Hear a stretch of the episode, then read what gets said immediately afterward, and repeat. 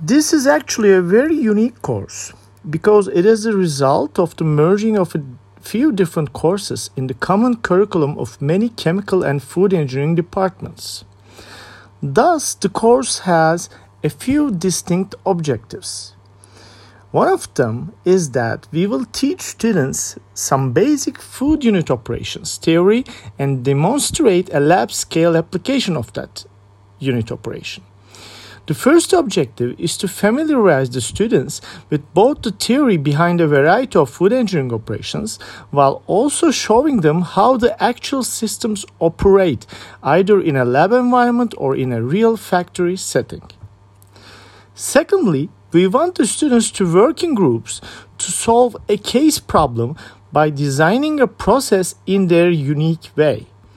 So, the objective with this is to encourage the students to develop an ability to solve a problem or design an equipment, its components, or a system by creative thinking.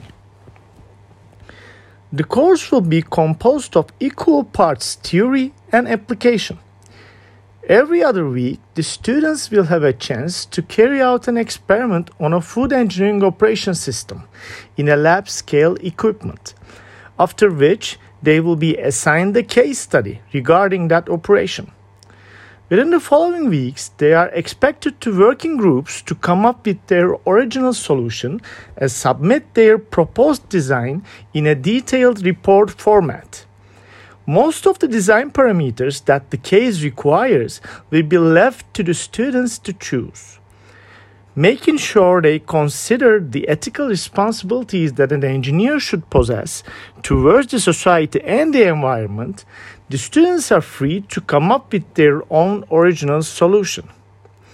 They will then be evaluated considering the technical knowledge they demonstrate, the accuracy of calculations, the creativity of the design, the quality of the reports, as well as the ethical responsibility that they demonstrate.